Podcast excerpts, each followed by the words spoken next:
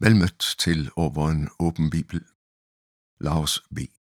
Himmelske Far, vi takker dig for dit levende ord, og vi beder dig, vil du gennem ordet holde os vågne, slik at vi er redde, når du kommer. Velsign denne adventstid, at det må være en beredelsestid, både for dit daglige komme, men også for det komme, som du har varslet kommer ved enden af tiden.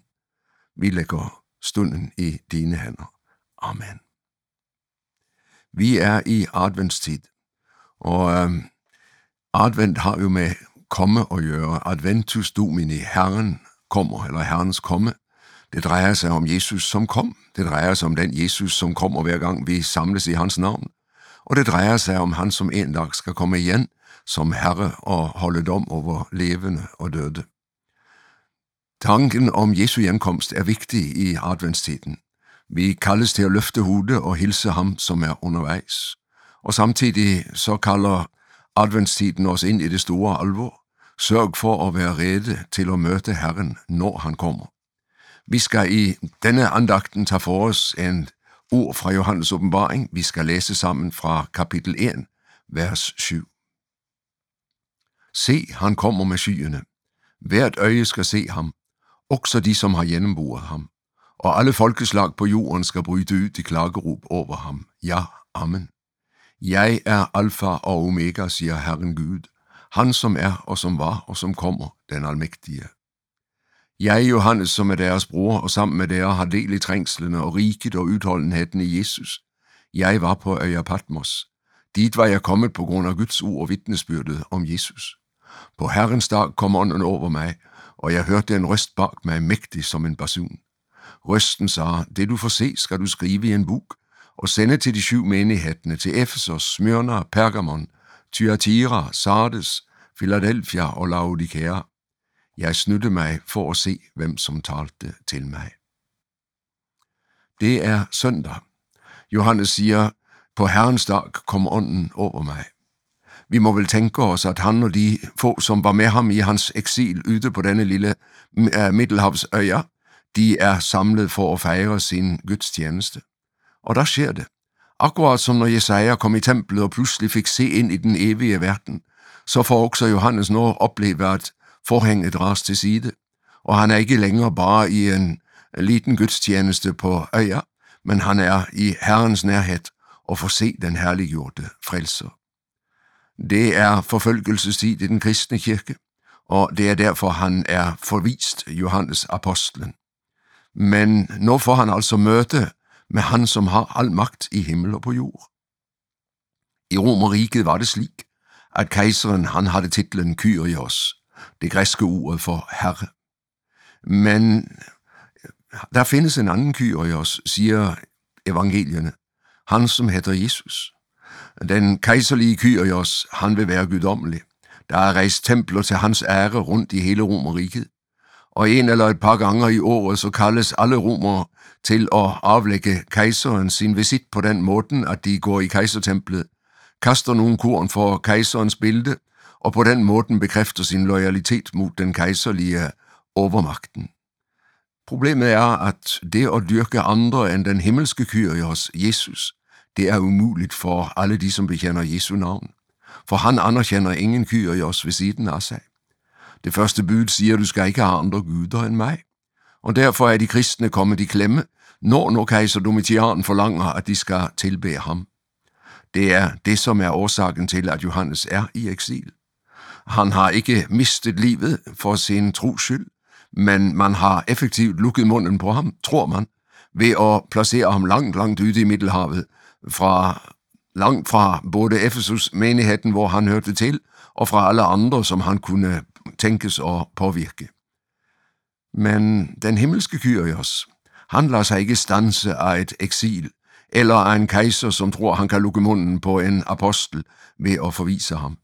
Her i stillheden så møder Herren sin tjener, og så giver han ham et vigtigt budskab, som vi altså hørte, se, han kommer med skyene, hvert øje skal se ham. Når i stillheden møder Jesus apostlen og giver ham budskabet om sin genkomst og om vejen dit i det, som vi kalder Johannes åbenbaring.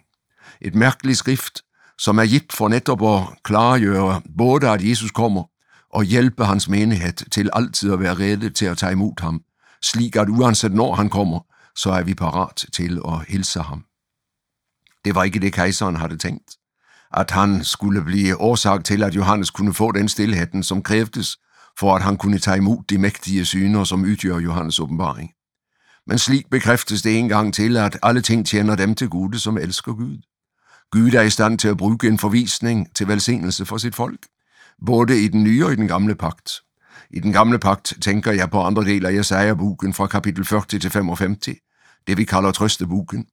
Israel er i landflygtighed, men netop det giver mulighed for at forkynde et budskab om ham, som ser til, til sit folk i trængslen og lover dem herlig hjemfærd.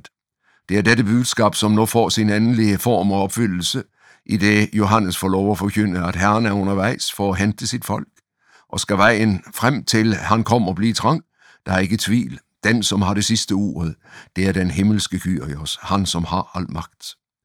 Nu oplever altså øh, Johannes midt i sin ensomhed og i sit isolat, Herren har ikke glemt mig.